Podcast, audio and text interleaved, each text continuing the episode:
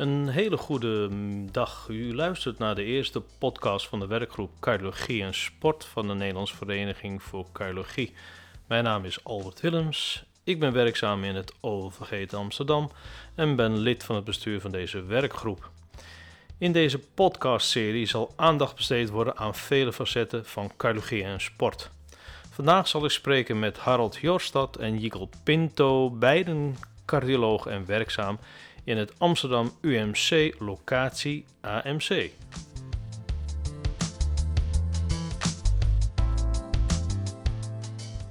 Uh, hallo Harold en uh, leuk dat jullie er zijn. Hallo, hallo. Hi. Dit is de eerste podcast voor uh, de werkgroep uh, Sport en Cardiologie. Um, ik denk dat uh, iedereen jullie nog, of, waarschijnlijk al kennen in den landen, maar toch wel ook een heel kort introductietje met jullie doen. En misschien kan je even vertellen, um, um, Harold, wie je bent.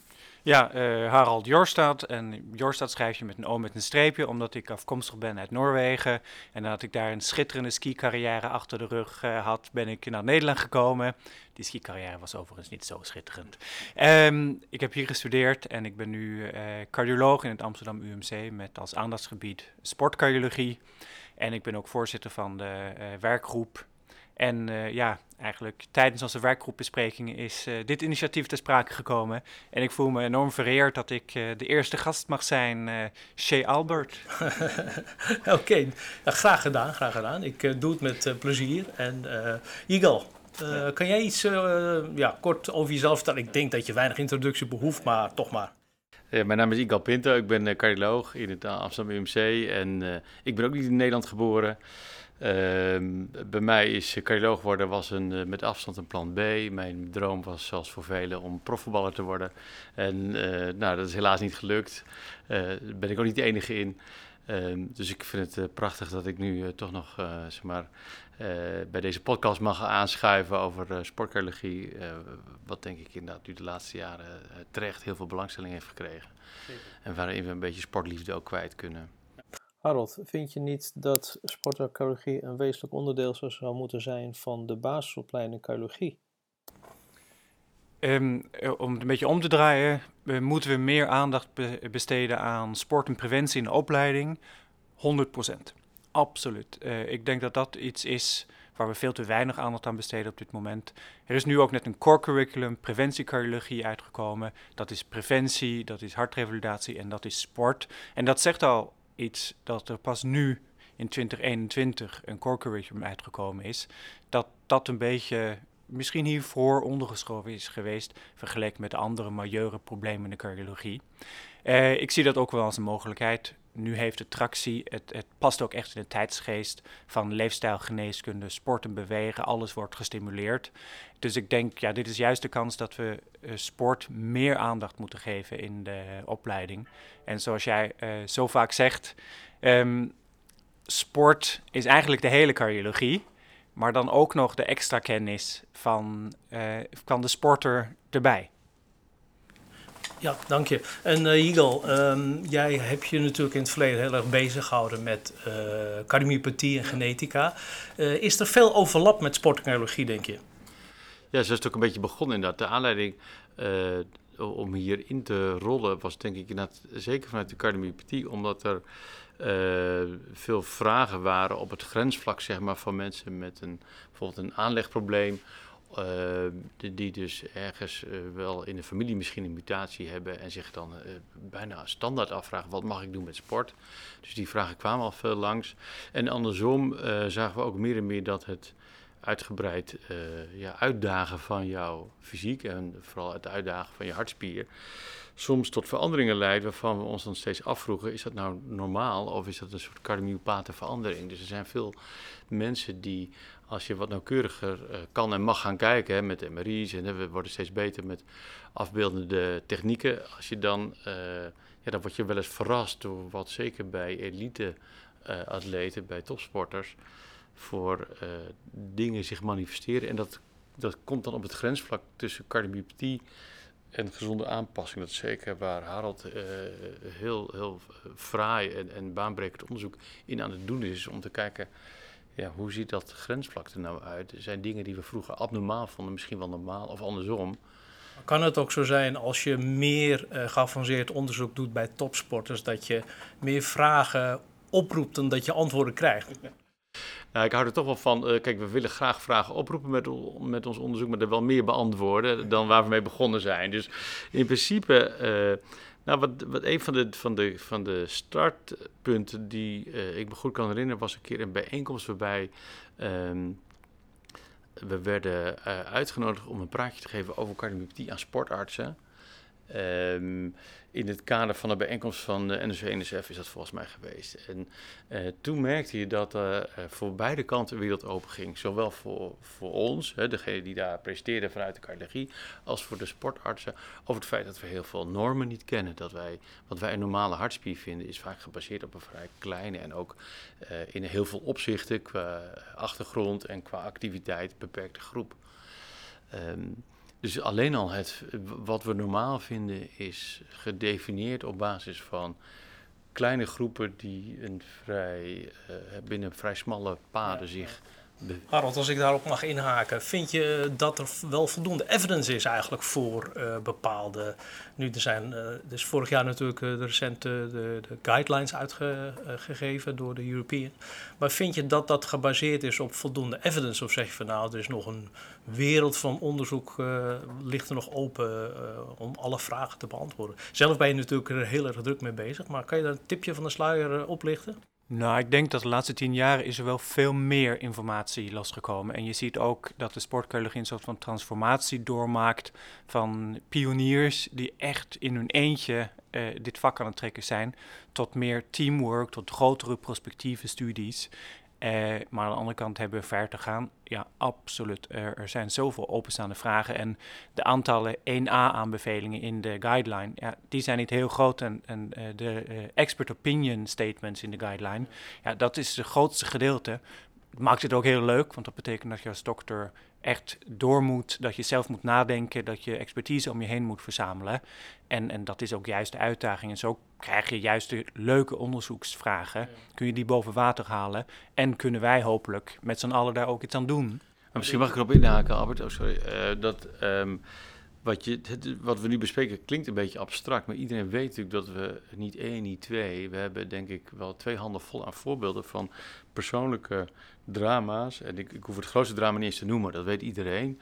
Uh, we zitten hier in het AMC, we zijn Ajax-fans. Nou, we weten allemaal hoe, wat voor vreselijke dingen zich op sportvelden kunnen afspelen. Maar ook daaronder dingen die ook het nieuws halen, soms het nieuws niet halen, is het al dan niet toestaan van mensen om te gaan sporten. En dat haalt soms de krant als het om uh, Olympische Spelen gaat, waarbij iemand in een familie een uh, hartafwijking wordt geconstateerd en vervolgens wordt de sporter verboden om naar de Olympische Spelen te gaan. Dat zijn persoonlijke drama's die, uh, daarom, daarom haak ik erop in, want die zijn bijna nooit, en dat kan ook niet, gebaseerd op harde gegevens, maar op een bepaald soort ja, idee en inschatting. Maar zijn we te liberaal geweest in het verleden? Of zeg je van nou, misschien konden we ook niet goede adviezen geven, omdat ja, de, de, het wetenschappelijk bewijs daar eigenlijk van ontbrak? Nou, ik denk dat alle artsen die hiermee bezig zijn, die hebben echt hun, hun, hun allerbest gedaan om een zo goed mogelijk advies te geven. En te, de, de screeningsmodaliteiten te gebruiken die beschikbaar zijn en waar je iets mee kan. Maar wat je niet weet, dat weet je ook niet. En we merken gewoon dat je heel veel specifieke expertise hebt. Wat jij altijd zegt, Albert, de sportcardiologie is echt de breedte en de diepte tegelijkertijd.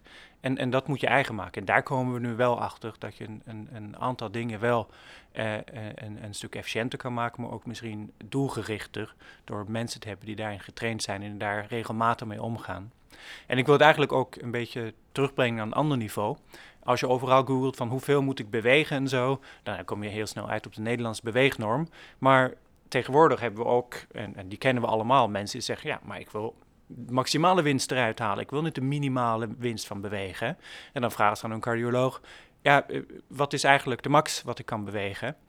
En menig cardioloog zegt dan, en dat is echt geen kwade wil of zo, maar gewoon komt omdat we dat niet goed weten, zegt, ja, doe maar een beetje rustig aan, waarbij alle motivatie in één keer weggeveegd is. En dat is waar de sportcologie heel erg tegenaan zit. Van uh, wanneer kan, buigt die curve om van, van dat je alle baten hebt van uh, regelmatig sporten, totdat het misschien ook schade oplevert.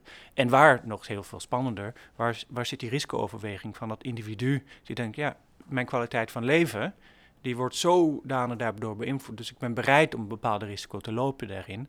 Ja, dat, dat is echt de cutting edge veld waar we heel veel onderzoek naar moeten doen en waar we eh, meer over eh, te weten moeten krijgen. En dat is natuurlijk, uh, dat, dat geldt niet alleen voor de topsport, maar het geldt natuurlijk ook voor de breedte sport. Hè? Misschien zelfs meer. Maar dat, dat is, vind ik het heel erg leuk daarvan. Van de topsport kunnen we leren waar zijn de uh, ultieme grenzen. Uh, zoals de, de huidige woordvoerder van NOC-NSF zegt. Elke keer als er een record gezet wordt, dan doet dat hart iets wat nooit eerder gedaan is. Dus dat is letterlijk de meest extreme situatie die je kan bedenken in de geschiedenis van de topsport. Nou ja, als je dan weet waar de uiterste grenzen zijn, ja, dan kun je dat ook toepassen. Uh, met bepaalde aannames natuurlijk, bij de breedte sport. En kun je die ook beter adviezen geven van, nou ja, zover en misschien niet heel veel verder.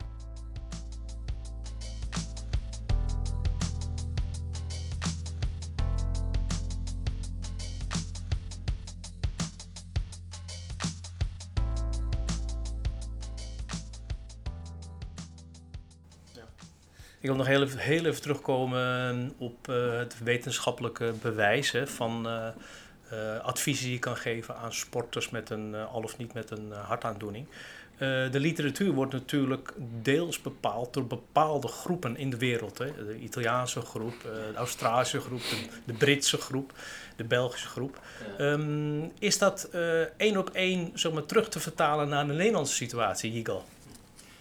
Um, daar te beginnen, het is inderdaad uh, bijzonder dat er eh, veel landen om ons heen daar heel prominent in waren. Wat je opnoemt klinkt een beetje een soort Eurovisie Songfestival van de sportcardiologie. Um, ja, de Italianen zijn gelukkig negatief getest, dus weet je, we gaan volgend jaar naar Italië. Um, maar je ziet inderdaad dat dat heel bepaald is door de lokale manier waarop werd omgaan. Bijvoorbeeld met sportkeuring is een heel belangrijk voorbeeld. Natuurlijk dat in Italië is daar een heel andere norm voor. Een veel lagere drempels. Dus een grotere verplichting om iedereen maar te keuren. Wat uh, aan de ene kant een schat uh, met gegevens oplevert. Aan de andere kant uh, heeft dat geleid tot een, een, bepaalde school die een bepaalde interpretatie heeft van wat zij maar zien. Wat het gevolg is vooral van hun screeningstrategie. Um, er zijn bijvoorbeeld ook veel landen waarin als iemand plots overlijdt, is een obductie uh, bij wet verplicht. En dat, wij hadden in die zin eigenlijk aan beide kanten de ongunstige kaarten. Bij ons zijn zowel obducties niet verplicht, waardoor je heel weinig weet over doodsoorzaak bij jonge mensen die plots overlijden, bijvoorbeeld bij sport. En we hebben natuurlijk een heel, uh, ja, de, de, de screening bij ons is niet heel centraal geregeld. Uh, dus wat dat betreft denk ik dat het dat de manier waarop het is ingericht in een land heeft heel veel bepaald voor wat er uiteindelijk uit is gekomen. En ik denk dat wat goed is en wat, wat, wat Harald denk ik echt heel erg sterk heeft neergezet, is om een, vanuit een medische uh, wetenschappelijke vraagstelling screening in te richten. En niet zozeer vanuit uh, wet of vanuit een uh, soort algemeen gevoel van je moet maar een keer op de fiets hebben gezeten en als je er niet afvalt, dan kun je vast wel sporten. Ja. Harold, uh, jij hebt natuurlijk uh, ook uh, laten zien dat in Nederland er um, een verspreiding is van centra die zich bezighouden met sport en cardiologie, de zorgkaart. Hè, vond je dat een verrassing voor jouzelf dat, je, dat het toch tenminste toen ik de uitslag, uh, toen ik het stuk las, dacht ik echt van, goh, ik wist niet dat er zoveel centra zich bezighielden met sport en cardiologie. Uh, vond je dat, de, uh, dat die, dat aantal centra meer was dan je had verwacht of minder? Of dat je zegt, nou nee, dit klopt ongeveer met, met mijn veronderstelling? Ik moet zeggen, ik was positief verrast. Ik vond het heel leuk om te zien dat er zoveel enthousiasme is voor uh, sportcardiologie, voor het begeleiden van ploegen, voor het begeleiden van individuele sporters. En dat er ook cardiologen zijn die echt gewoon interesse hebben in, in bepaalde sporten. Die bijvoorbeeld, ja, veel cardiologen hebben blijkbaar iets met voetbal, dus veel mensen hadden voetbal ja, eh, als aandachtsgebied. Maar dat, dat je daar ook iets van maakt, dat vind ik echt heel erg leuk. Dat je de expertise probeert eigen te maken en dat je daarin verdiept. Um, ik denk wij als werkgroep moeten daar ook in springen en kijken van oké, uh, dit zijn mensen die duidelijk enthousiast zijn en, en die dit willen doen. Hoe kunnen we uh, deze groep uh, meer meekrijgen in de projecten die we doen? cursussen organiseren bijvoorbeeld van wat zijn de uitdagingen als je een voetbalclub gaat begeleiden? wanneer moet je hulp inschakelen, zoals de landelijke besprekingen die we ingesteld hebben voor topsport, maar ook voor de breedte sport? En hoe kunnen we zorgen dat de kennis die bij een aantal mensen zit, gewoon ook dismineert door het hele land heen. En dat iedereen straks wel een sporter met boezemfibrilleren op de poli kan zien. En die ook een goed sportadvies kan geven. Dus ik was heel positief verrast. Ik denk dat het ook weerspiegelt dat er vraag is naar die expertise. Want eh, ja, dit zijn wel sporters die ergens een plek zoeken. En, en, en clubs die een, een cardioloog zoeken die ze expertise kunnen geven en ze kunnen helpen. Uh, dus uh, ja, ik denk uh, elk ziekenhuis zou eigenlijk wel een preventiecardioloog moeten hebben. Iemand die basics verstand heeft van sportcardiologie, preventie, hartrevalidatie. En die moeten ook weer weten waar zitten de super-experts wat betreft cardiomyopathieën bijvoorbeeld, of wat betreft uh, uh, specifieke ritmestoornissen. En als we het zo kunnen organiseren, dan denk ik, en dat voor elkaar hebben in, in een aantal jaren, dan lopen we echt voorop in de wereld wat betreft de sportcardiologische zorg.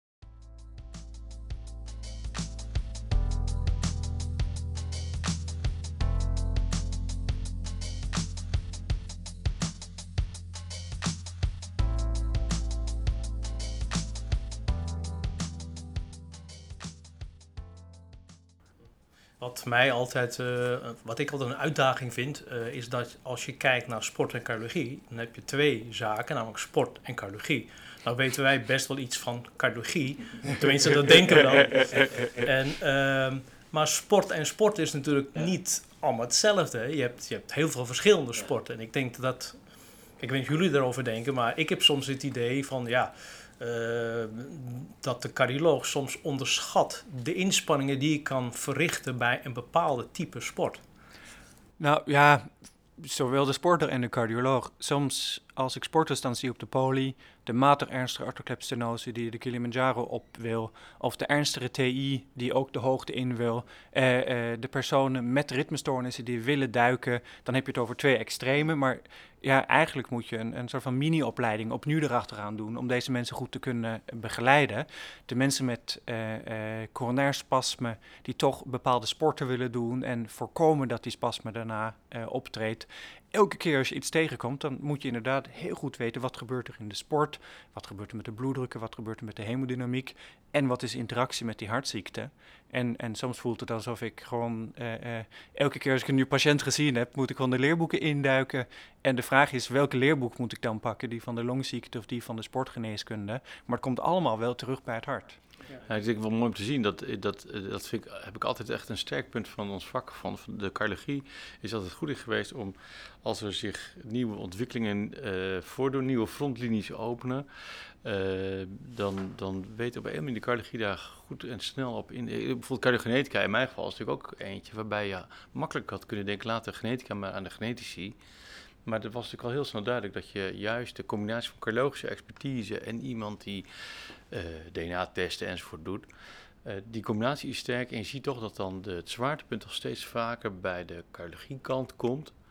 Uh, terwijl op een gegeven moment het laboratoriumdeel, het onderzoeken van een DNA-test, ja, daar zit dan steeds minder incrementele waarde in. En dat zie je nu bij, en we hebben natuurlijk in het verder verleden ook gezien, dat juist de cardiologie als vak heeft de beeldvorming naar binnen getrokken. Wij trekken, en ik, dat is mooi om te zien, ik denk dat, dit, dat, we, dat we nu precies hetzelfde zien gebeuren. Dat waar de samenleving steeds meer aandacht heeft voor zowel de top als de recreatieve sport. En hoe je dat inpast in je leven en wat voor gezondheidseffecten dat heeft. Uh, is, het, is het mooi om te zien. Dat is ook een belangrijke boodschap, denk ik, voor het vak. Dat je als je dat tegen, de, bij je vak naar binnen trekt, dan zul je merken dat je inderdaad, je moet blijven leren, je moet blijven lezen. Nou, ik denk dat de meeste cardiologen dat juist het, leuke van onze, uh, ons beroep vinden. En als je dat doet, dan wordt het, ja, we krijgen natuurlijk een steeds leuker en interessanter vak. Onze populatie verschuift en wij, ik heb het zelf nu gezien, genetica is er in één keer bijgekomen. Dat was natuurlijk ook twintig jaar geleden ondenkbaar. Dus ik denk dat sportcardiologie daar steeds groter en sterker in gaat worden. Ja, ik denk dat we met z'n drieën, zoals we hier zitten, eigenlijk gewoon... We hoeven niet eens een lans te breken. Hè. Het is voor ons eigenlijk best een uitgemaakte zaak dat, uh, zeg maar, uh, het, het, subspecialisme sportarcheologie gewoon een plaats verdient, toch? Ik bedoel, dat lijkt me... Absoluut. En het, het is een heel leuk. Kijk, we blijven natuurlijk allemaal algemene cardiologen. We blijven infarctpatiënten zien. Mensen met overgewicht, een boezemfibrilleren, een hypertensie, een hartfalen. Eh, dat blijft een essentieel onderdeel van het vak van elke cardioloog. Maar wat zo leuk is als je die sportcardiologische patiënten ook ziet, dat zijn mensen die allemaal willen. Die komen binnen met een enorme motivatie van dat ze iets willen bereiken. Ze willen iets doen aan sporten. Wat heel vaak een beetje tegenovergestelde is van de ja, iets minder gemotiveerde klassieke hartpatiënt. En dat maakt het ook heel leuk. Dat zijn patiënten waar je eerder op de rem moet trappen. Dan dat je ze moet proberen om, om gas te laten geven. Maar ja, die variatie, dat maakt zo'n spreekuur eh, einde van de dag een stuk stimulerender en spannender. Wat ik um, uit de guidelines gehaald heb uit 2020 is natuurlijk heel veel. Maar wat uh, wel de rode draad is, de, zeg maar de shared decision making. Een mooie Nederlandse term voor, ja, je moet uh, het maar, uh, je legt het op tafel en de patiënt mag beslissen. Zo, zo zit het natuurlijk niet. Hè. Maar um, het gaat wel die kant op. Hè. Ik bedoel, het is wel dat we steeds meer zeggen, oké, okay, we leggen de, de risico's leggen we neer. En het is ja, je kan moeilijk een sporter verbieden tussen aanhalingstekens. Of, of zie je dat anders, hier al? Nou, dat, ik denk juist in deze populatie, dat wat had ook een beetje geschetst, die zijn zo extreem gemotiveerd dat het ook wel eens uh, uitmondt in dat je merkt dat je adviezen kan geven. Maar als die bijvoorbeeld zouden betekenen dat iemand de grote passie die ze hebben voor een bepaalde sport of een target die ze willen halen, niet kan. Dat ze zeggen, nou, je kan me wat, uh, ik ga het toch doen. Uh, dus het vereist dan ook inderdaad een paar andere vaardigheden nog. Het eerste is om vooral niet ijdel te zijn in het, of mensen je advies opvolgen, want dat moet je natuurlijk snel de deur uitgooien. Maar daarnaast, ik denk dat op zekere hoogte is shared decision making voor mij toch niet anders dan het opnieuw benoemen van wat we natuurlijk altijd al wat deden. Dat als het klip en klaar is, zeg ik tegen mijn patiënten, ja, het is klip en klaar. Uh, je bent gewoon gek als je niet zus of zo doet. Uh, dus er zijn, nou, de ICD's zijn een heel mooi voorbeeld. Eh, ICD-implantatie bij iemand die een out of hospital arrest heeft overleefd. Ja, daar hoef je niet lang over na te denken. We kunnen sharen tot we een ons wegen. Maar dan zeg je, je moet echt zo'n ding nemen. Je bent knettergek als je het niet doet. Maar dan heb je de, uh, de personen met een injectiefractie van 34,7 procent. Je kent het wel. Uh, waarvan de tabellen misschien zeggen, je moet, dan snap ik dat je zegt, ik geef de getallen. Het is een afweging die meer om het lijf heeft dan alleen maar dat getal. Dat geldt hier ook voor. Dat je, soms zijn er hele duidelijke beslissingen en dan zeg je, van mij betreft, ook gewoon hoe duidelijk het is. En heel vaak is het grijs gebied. En dan en ik denk dat wat de hart ook terecht zegt, sporters zijn, zitten daar ook letterlijk anders in de wedstrijd. Die willen het ook weten. Die vinden het ook leuk om te horen wat zijn de getallen.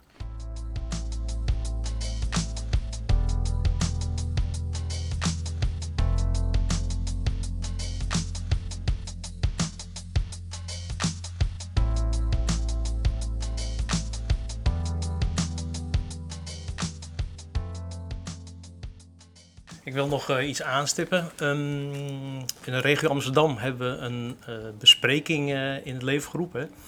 En daar worden sportcardiologische casussen gebracht. niet alleen vanuit de regio Amsterdam, maar ook elders uit Nederland. En incidenteel zelfs uit vanuit het buitenland. Um, daarmee feliciteer ik natuurlijk uh, Harold uh, en alle anderen die zich daarmee bezig gehouden hebben. Um, maar kan je ook aangeven uh, wat er uit dat soort MDO's komt? Is het advies um, vaak anders dan zeggen, het oorspronkelijk advies? Of als dat al überhaupt gegeven is? Hè? ik geloof dat je daar ook wel eens een abstract of een artikel over geschreven hebt. Maar kan je daar iets over vertellen? Ja, we hebben nu een abstract liggen bij het EC, dus hopelijk kunnen jullie dat straks helaas digitaal, maar wel kunnen zien van promovenda Juliette van Hattum. En wij hebben nu deze bespreking een aantal jaren gedaan, heel klein begonnen met een aantal mensen in een, zaaltje. toen kwam COVID. Nou, toen hebben we het helemaal digitaal neergezet. Toen merkten we dat best veel mensen bereid waren om tijd daarvoor vrij te maken en in te loggen. Ja, inmiddels, het, het heet de BAS-bespreking te Amsterdam cardiologische, uh, sportcardiologische casus. Maar het is eigenlijk nu veel meer dan Amsterdam geworden. En dat mensen gewoon echt vanuit het hele land inloggen als ze leuke casussen hebben. We hebben er nu een 120 ongeveer op een rij gezet. Daar ook de één jaar follow-up of langer bij verzameld. En het belangrijkste wat we zien is dat we heel veel diagnoses verwerpen. Dus mensen komen met de diagnose sportadvies bij cardiomyopathie. En als we met een hele team, dus met Yigal erbij, eh, eh, eh, met Arthur, met iemand van de cardiogenetica, eh, eh, Matthijs Boekelt, Maarten Groening vanuit de beeldvorming. Vaak hebben we ook mensen uit Utrecht die in, inloggen, die ook expertise met ons delen. En, en, en, en ja, jij zit er altijd bij en een aantal andere ervaren cardiologen, um, schaatsexpertise van Susanne de Vries uit Jongens bijvoorbeeld. Maar als wij met z'n allen daarover zitten na te denken, dan trekken we toch soms een andere conclusie. En in het algemeen is dit, dit is eerder extreme adaptatie dan dat het een cardiomyopathie is. Um, ja, dan is het sportadvies heel gemakkelijk, want dan kun je een stuk meer vrijheid aan zo iemand geven. En wat ik ook zie is dat als er een, een sportrestrictie geadviseerd moet worden, dan wordt die veel specifieker.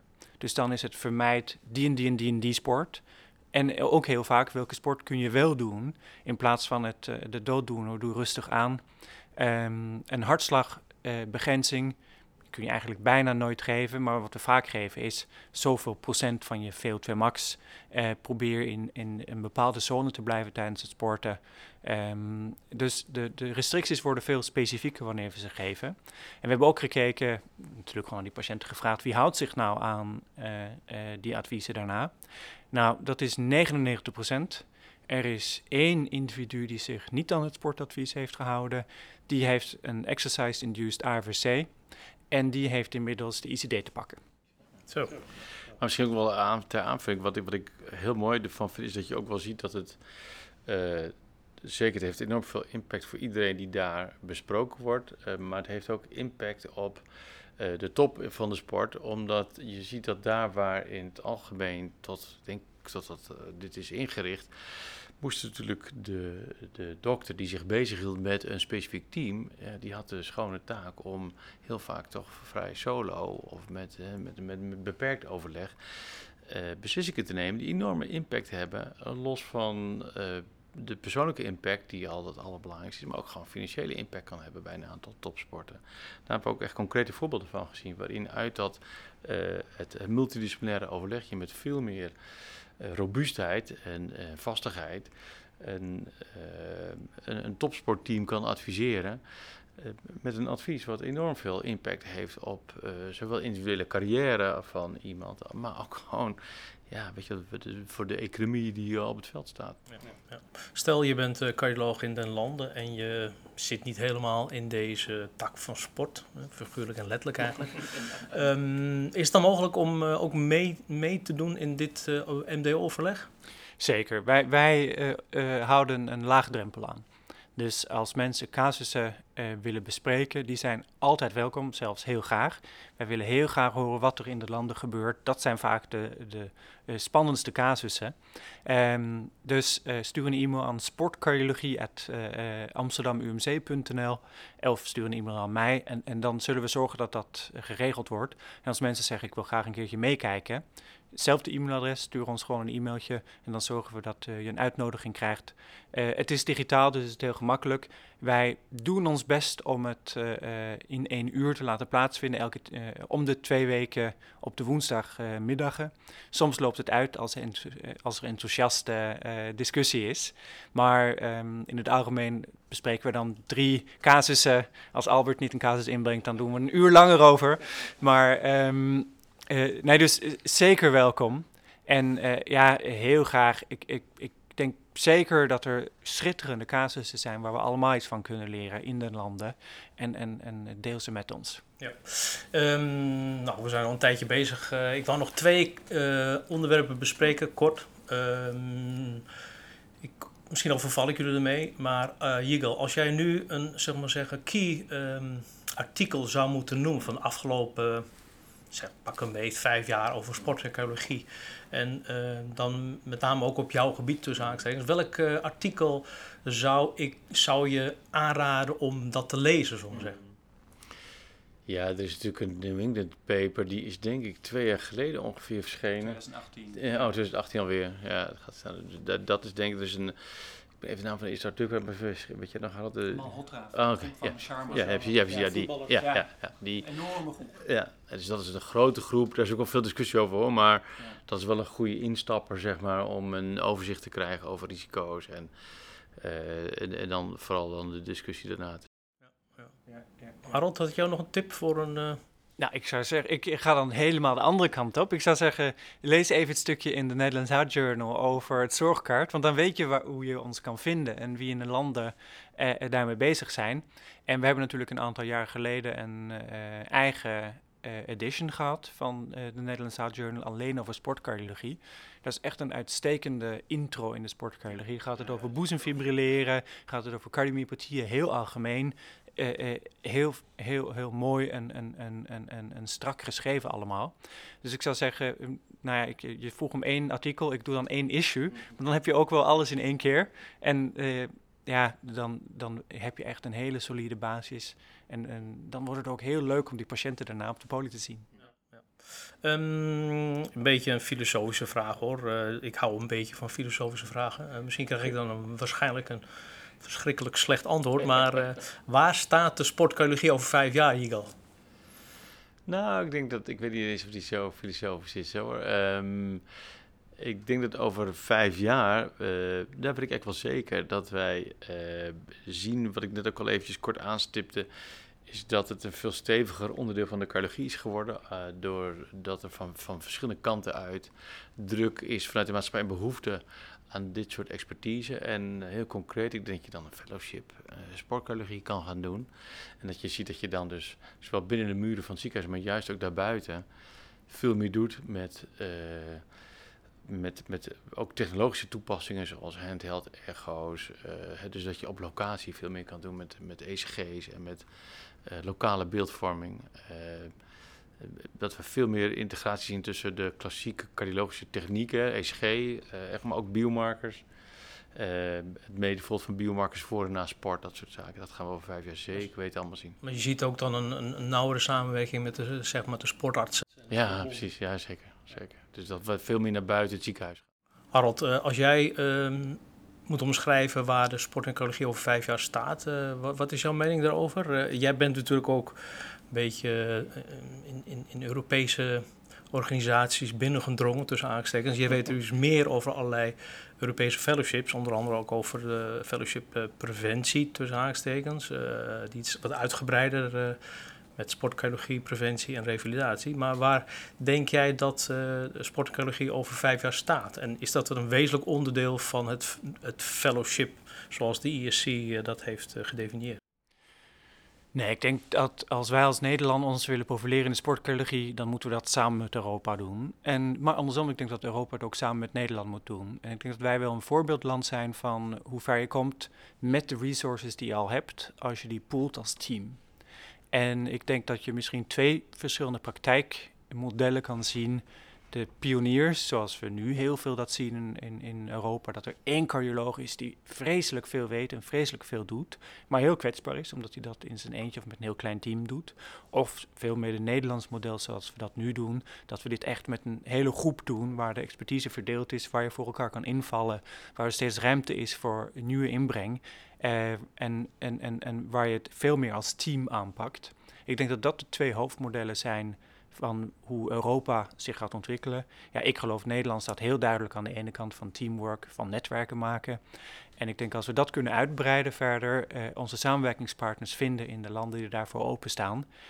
ja, dan heb je iets wat ten eerste heel leuk is en waar, waar je zoveel energie uit kan halen en ook zoveel kennis van kan halen. Maar ook iets wat meebeweegt met de tijd, net zoals je al zegt. Eh, straks ECG maken wordt steeds gemakkelijker. En straks zit er een AI eh, daarop die de sportarts ook nog extra informatie geeft van... hé, hey, dit is misschien wel iemand waar je moet kijken of je niet een keertje langs een cardioloog moet. En als je dan als cardioloog blijft eh, ontwikkelen in de expertise en een netwerk en de research... Uh, afdeling, ja, dan blijf je dat veld steeds verder interessant houden en oprekken. En zorg je dat de basics steeds meer geïmplementeerd raken op de werkvloer. En uh, over vijf jaar, ja, waar zijn dan de Spelen weer? ik hoop dat de sportcardiologie daar staat.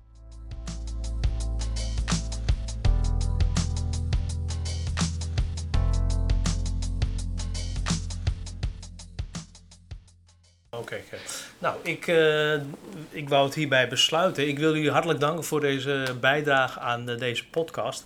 Um, ik denk dat het ook nog goed is, uh, Harold, als we een klein beetje reclame maken nog voor onze CVI-cursus. 4 juni. Ik hoop dat deze podcast dan online is. Um, ehm, 4 juni gaat over met name... Um, eigenlijk de hele sportcardiologie in vogelvlucht. Er is een nieuwe richtlijn uitgekomen. Daar hebben we een beetje de interessantste, meest controversiële thema's uitgepakt. Uh, wordt opgehangen aan casussen, dus het wordt heel praktijkgericht van hoe pas je de richtlijn toe. Maar waar zitten ook de gaten, waar zitten de uitdagingen, waar zit de ruimte voor creatief omgaan met uh, hoe iemand wil sporten, zodat hij nog steeds gewoon kan blijven sporten. Dus na de CVUI, dan weet je eigenlijk, ja, ken je alle highlights van de richtlijnen. Um, die richtlijn is niet zo heel lang, dus die kun je ook nog daarnaast lezen hoor. Maar uh, de hoogtepunten worden eruit gehaald. En, en, door sprekers uit het hele land van verschillende velden met echt een, een, ja, allemaal verschillende achtergronden. Dus de CWOI wordt uh, ontzettend leuk. En ja, het EC komt terug in Amsterdam in 2023. Vorig jaar hebben we natuurlijk de massa gehad dat we de IEPC Sportscardiologiedag in de Arena mochten organiseren. En in 23 hopelijk weer ruimte voor fysieke vergaderingen. Dus ik zou zeggen, tot dan ook dan in de arena. Oké.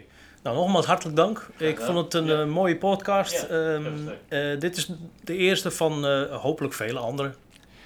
Ja, en jij Albert, ontzettend bedankt. Jij bent natuurlijk ja, eigenlijk van de geboorte van de sportcardiologie in Nederland betrokken geweest.